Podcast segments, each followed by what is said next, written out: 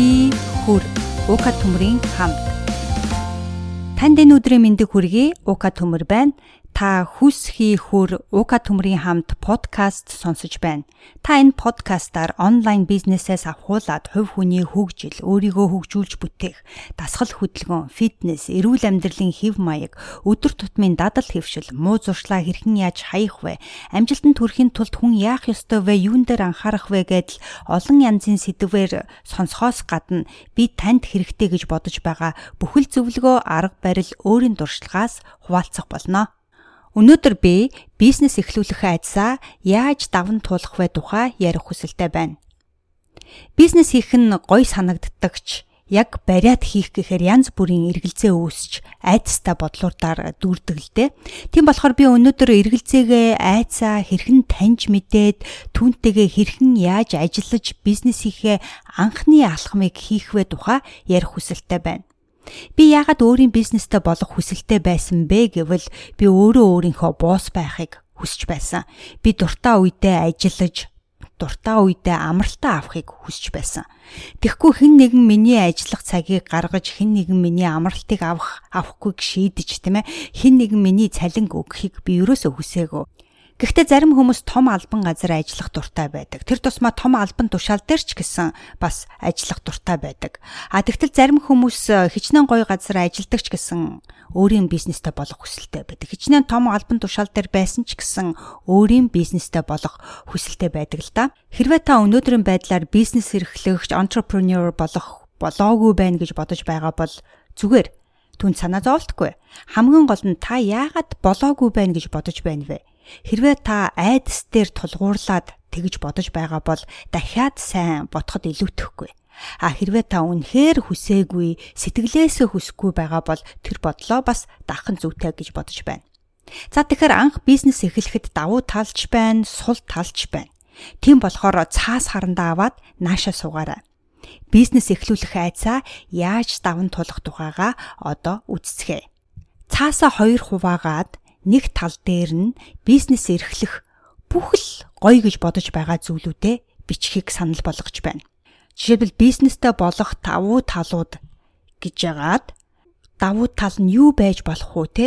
Яагаад бизнестэй болвол илүү дээрвэ гэж та бодож байна вэ? Тэр бүгдийгээ доош нь жигсааж бичнэ гэсэн үг.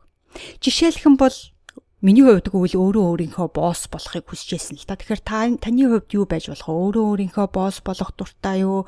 Өөрийн цагийн хуваараар ажиллах хүсэлтэй байна уу? Тийм ээ? Хийх мөнгөнд хязгаар байхгүй гэж бодох нь гоё байна уу?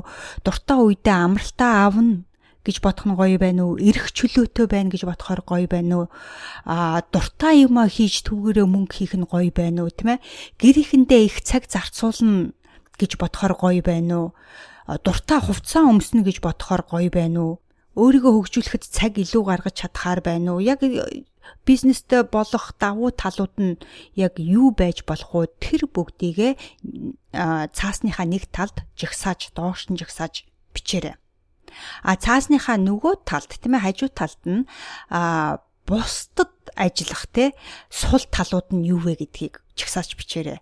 Жишээлх юм бол та одоо ажил хийж байгаа хэрвээ та ажил хийж байгаа бол тэ ингэж ажил хийсэн та юунд нь дурггүй байна вэ? Сул талууд нь юу байна вэ гэдгээ сайн бодож байгаад бүгдийг жигсааж бичээрэй. Жишээлх юм бол урт цагаар ажилдаг учраас та дурггүй байна уу тийм ээ?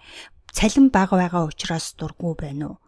Аа тэгэд цалин баг зөвхөн тэр цалингаараа тий авч байгаа тэр цалингаараа амьдрна гэдэг нь утгагүй санагдаад бизнестэй болох хүсэлтэй байна уу? Аа цалин нэмэх шанс нь бага болохоор та ажиллах дурггүй байна уу?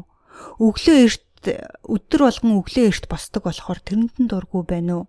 Дөрмийн хувцс өмсдөг учраас дурггүй байна уу? Аа дарагта дурггүй учраас дурггүй байна уу? Ажлын байр чинь таалагдахгүй байна уу? Ирэх чөлөөгүй байна уу? Амралтын өдөр ажилтдаг учраас дурггүй байна уу? Сул тал нь яг юу байна вэ? Шин санаагийн чинь дарагч нь хүлээж авдаггүй болохоор та дурггүй байна уу? Тэгэхээр бусдад ажиллах сул талууд юу байна? Бүгдээрнгийн нэгийг ч үлдээлгүй доогшин жагсааж бичээрэй. Энэ жагсаалтыг яагаад гаргах хэрэгтэй байдаг вэ гэвэл тийм ээ эргэлзээ төрсөн үед одоо бизнестэй болох уу болохгүй бизнесийнхаа араас явах уу үгүй юу гэд тэ эргэлзээ төрсөн үедээ Эсвэл айдастаа нүүр тулах үедээ тийм ээ бизнесээ эхлүүлэх айдас хүн бүрт байдаг штэ. Тэгэхээр тэр бизнесээ эхлүүлэх тэр айдастаа нүүр тулах үедээ энэ жагсаалтаа гаргаж ирээд өөртөө сануулж байх нь зүйтэй байдаг л да. Яагад гэвэл энэ жагсаалт нь бидний мотивац болж өгдөг буюу өөрсдийгөө хөдөлгөх хүч болж өгдөг. Энэ жагсаалтыг заавал цаасан дээр бичих албагүй л дээ дотроо бодож болно. А гэхдээ цаасан дээр буулгаж бичснээр бид түүнийгээ илүү тодорхойгоор харж чадхаас гадна бодит болгож биелүүлэх нь илүү байдаг л да. Тийм учраас цаасан дээр бичих нь хамаагүй дээр санагддаг. Тийм болохоор танийгч бас цаас харандаа авжгаад түүнийг жигсааж бичээд өөрийнхөө нүдэнд харагдах газараа наачиж болно. А тэгээд айдас тага тэ нүүр тулах гэхээр нүүр тулж чадахгүй байгаа тэр үедээ а эсвэл ямар нэгэн эргэлзээ яах вэ гэд эргэлзээ төрөх үедээ энэ жагсаалтаа гаргаж үтснээр энэ жагсаалт маань яагаад бизнес эхлэх давуу талтай юм бэ? Яагаад одоо энэ ажиллаж байгаа ажил тэ та би дургүй байна вэ? Сул талууд нь юу вэ гэдгийг өөртөө сануулж, өөртөө илүү их мотивац өгч бизнесээ э, хийхч бүтээх тэр э, мотивацийг өгчд өөрийгөө хөдөлгөх хүч болгодог учраас энэ жагсаалтаа өөртөө үргэлж сануулж байх нь зүйтэй. За тэгэхээр бид бизнестэй болох давуу талуудаа одоо мэдэж авсан байгаа. Одоо бизнестэй болох сул талуудаа мэдэж авъя. Тэгэхээр бас нэг цаас аваад хэрвээ та амжилтын дэвтэр дээрээ бичиж байгаа бол дараагийнхаа хуудсыг нээж байгаад тэрийг 3 хуваагаад эхний игнээ тэ 3 игнээ болгож хуваагаад эхний игнээгээ арай илүү гаргаад дундах игнээгээ нарийнхан гаргаад ингээ 3 дахь игнээгээ бас арай илүү хоёр талынх нь хоёр игнээ илүү зай юм илүү юм бичих учраас илүү зайтай а дундлын игнээгээ нарийнхан хийгээд өгчөж болно. За тэгэхээр эхний игнэнд юу бичих вэ гэвэл бизнестэй болохоос айж байгаа бүх зүйлүүдээ бичхийг санал болгож байна. Тэгэхээр бизнес эрхлэгч болохоос тийм ээ эсвэл entrepreneur болохоос яг юунаас нь айгаад байна вэ? Тэр айж байгаа зүйлүүдээ бичхийг санал болгож байна. Тэгэхээр айж байгаа том жижиг бүх зүйлүүдээ бичээрэй. Бүр тэнэг юмч байсан хамаагүй, инээдтэй юм байсан ч хамаагүй дотроо бодож байгаа бүх тэр айцуудаа гаргаж бичээрэй. Жишээлбэл бизнесээ авч явж чадах болов гэдгээс айж ээж болно тийм ээ. Хүмүүс миний юмыг худалдаж авахгүй байвал яана гэдгээс айж ээж болно. Миний үзүүлэх үйлчилгээнд дургүй байвал яана гэж айж ээж болно тий. Авах зээл маань бүтэхгүй байвал яана гэж айж ээж болно. Ажилчин авч ажилуулж чадахгүй байвал яана гэж айж ээж болно тий. Миний мэдлэг хүрэх болов уу гэж эргэлзэж айж ээж болно. Мөнгөө алдвал яана гэж ээж бас айж ээж болно тийм ээ олонний өмнө гарахаас айж байж болох юм одоогор тэ өөрийгөө хангалтгүй бэлэн биш байна гэсэн тийм айдсууд байж бас болох юм л да. Тэгэхээр өөрөө яг ямар айдас байгаа вэ? Яг ингээл бизнесээ хийх гээл та зөндөө бодчихсон байгаа. А тэгээ хийх гэхээр нэг л хийж чадахгүй байгаа. Яг юунаас болоод хийж чадахгүй байна вэ гэдэг тэр айдсуудаа бүгдээр ингээд гаргаж бичих зүйтэй. Тэгэхээр ганц ч айдас үлдээхгүй бүгд бүгдийг бичээрэй. Айдсгүй хүн гэж юусоо байдаггүй л да. Тэр тусмаа эрсдэл хийх гэж байгаа тийм ээ. Анх бизнесээ бүтээх гэж байгаа. Ажлаасаа гарах гэж байгаа хүнд бүр их айдас байдаг штэ тийм ээ. Тэгэхээр энэ энгийн үзэгдэлтэй бүх айдсаа гаргаж бичснээр та одоо яг ямар ямар айдастай нүүр нүүр тулах хэрэгтэй вэ гэдгийг бүгдийг тодорхой харж чадна гэсэн үг л дээ. Тиймээс бүх айцаа гаргаж бичээрэй. За тэгээд э, гаргаж бичснийхаа дараагаар тийм ээ тэр хоёр дахь игнэнд тэр жижигхэн нарийнхын игнээ тавиараа гэсэн те. Тэгэхээр тэр хоёр дахь игнэнд энэ айдас болгоныхоо хажууд энэ айдас болгоныхоо авч үзээ тэр айдас болгоныхоо хажууд энэ айдас үнэхээр гарцаагүй надад дохион гэж бодож байгаагаа тэ үнэхээр энэ айдас бол бодит айдас үнэхээр надтай энэ айдас маань дохион гэж бодож байгаа айд тэр айцныхаа ард 100% гээд тавиараа за 100% энэ 100% а ерөөсөө надад тохиохгүй гэж бодож байгаагийнхаа ард энэ зөвхөн би бодоод л ахшаа надад энэ ерөөсөө тохиохгүй. Тэгтэл тохиоч магадгүй л гэж айгаад байгаа болохоос ш надад тохиохгүй гэж бодож байгаа тэр айцсийнхаа ард талд 0% гэж тавьж болно. А тэгээд оо магадгүй гэж бодож байгаагийнхаа ард хэдэн хувийн магадлалтай гэж бодож байна вэ? Түүнийгэ бичээрэй.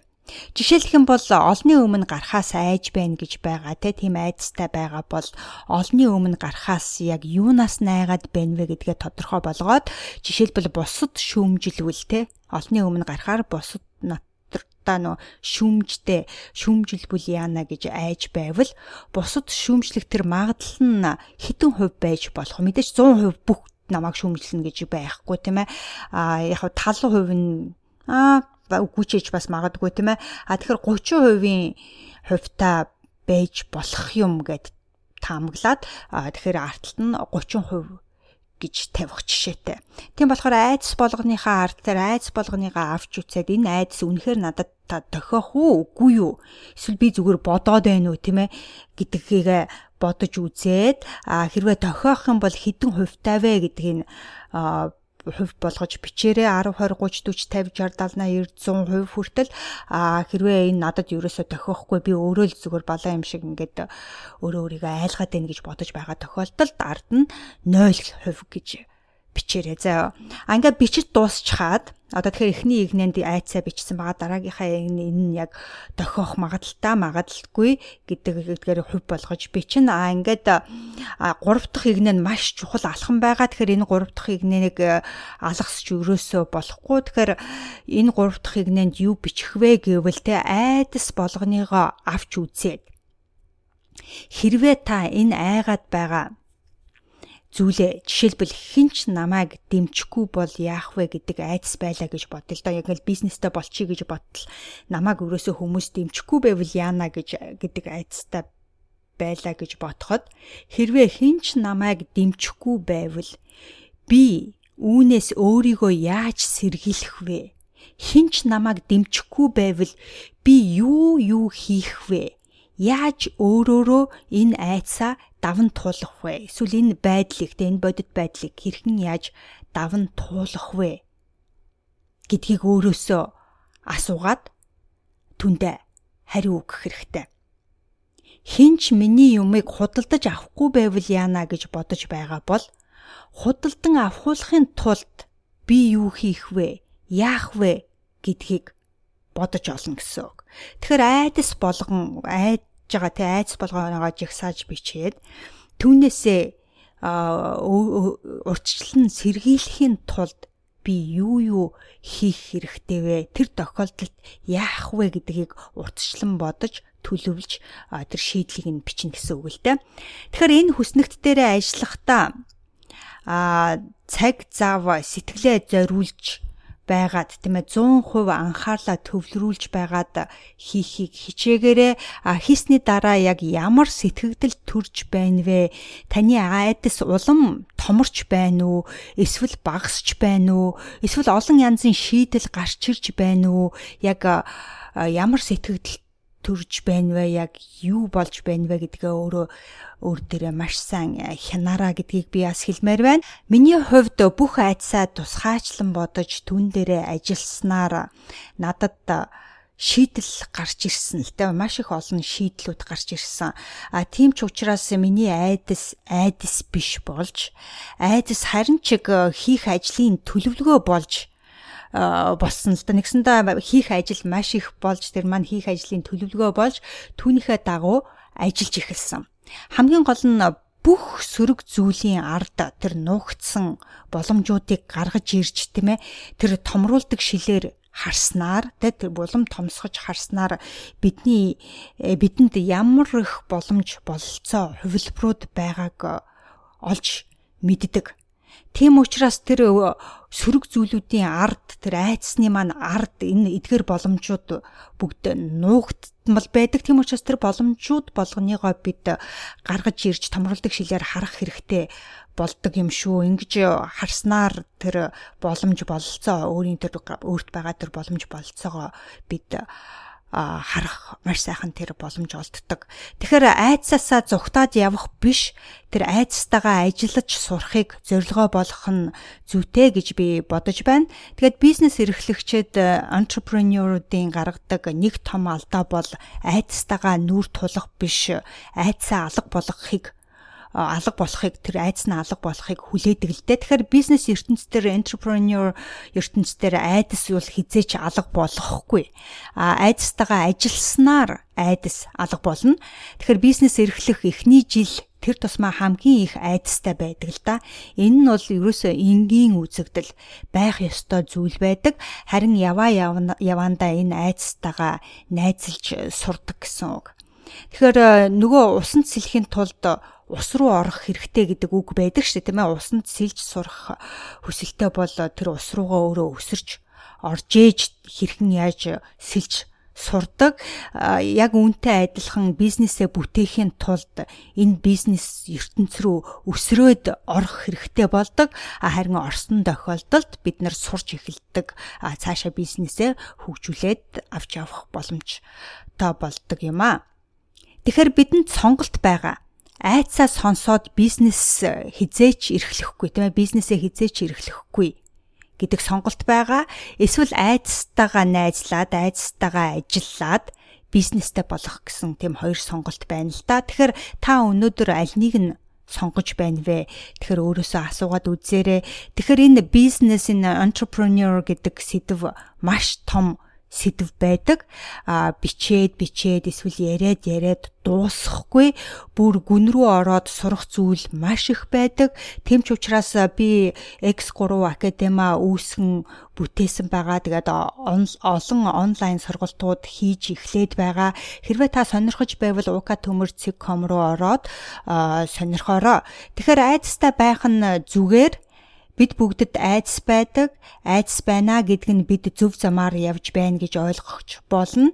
Айдастай учрахгүйгээд өрөөсөө учрах дургүй гээд тэр дассан газартаа тийм ээ айдасгүй тэр газартаа дассан юмаа хийгээд байвал бид үргэлж тэр бодож явдаг зүйлээ хийж чадахгүй тэр дасан газраа үрд хадагдаж санаа алдсаар байх болно харин айцаа давснаар бид хөгжин урагшлан, амжилтанд хүрнэ, эхийг бүтээх болно. Хэрвээ та иймэрхүү өөр олон сэдвээр уншиж сонсох хүсэлтэй бол миний подкаст subscribe хийгээрэй. uka.com руу ороод имэйл листэнд бүртгүүлээрэй. Шинэ мэдээллүүдээ би таны имэйл рүү илгээх болно. Аа тэгээд танд өнөөдрийн энэ подкаст жоохон ч гэсэн тус болсон байх гэж бодож байна. Хэрвээ та ийм сэдвээр яриад өгөөч ука эсвэл ярих те нэмж хэлэх, сэтгэлдээ хэлэх зүйл байгаа бол энэ подкаст дээр ревю бичээд үлдээгээрээ эсвэл над руу тийм ээ сошиал медианууд дээр эсвэл миний вебсайт ukatömөрцig.com руу ороод над руу мессеж бас бичиж болно шүү. Тэгээд өдрөө сайхан өнгөрөөгөөрөө хүс хий хүр зөвхөн таны өөрийн хүсэлээр үйлцэл таныг амжилтанд хүргэх